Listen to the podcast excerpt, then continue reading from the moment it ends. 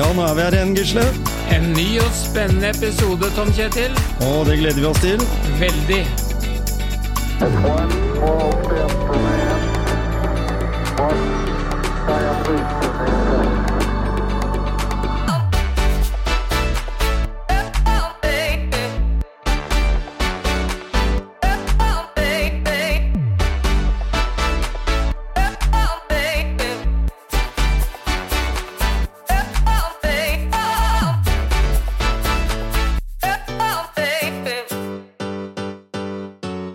Motivasjonspreik. Podkasten som skal motivere deg, Gisle. Ja, og motivere deg med store deg-bokstaver. Mm. Eh, og det er alt ifra idrettsfolk, eh, næringslivsledere, det kan være eh, vaskekona på jobben, det kan være PT-en. Mm. Jeg tror det er eh, noe for alle.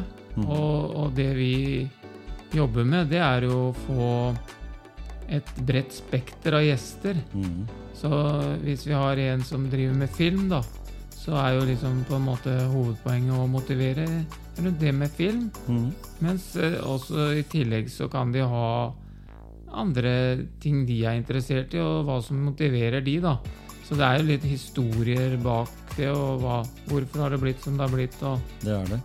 Og mange av de som kommer til oss eh, gjennom eh, alle disse ukene vi spiller inn, det, de har ulike historier å fortelle, og ulike ting som motiverer de. Så er du litt nysgjerrig, lyst til å vite litt om eh, hvordan den personen som kommer på besøk hit, har valgt å løse sine, sin motivasjon, så tror jeg vi skal kunne gi deg mange gode opplevelser. mm. Og vi trenger jo alle noe som motiverer oss Mm. i hverdagen. Og så må vi jo si at episodene våre må dere gjerne dele. Er dere glad i oss?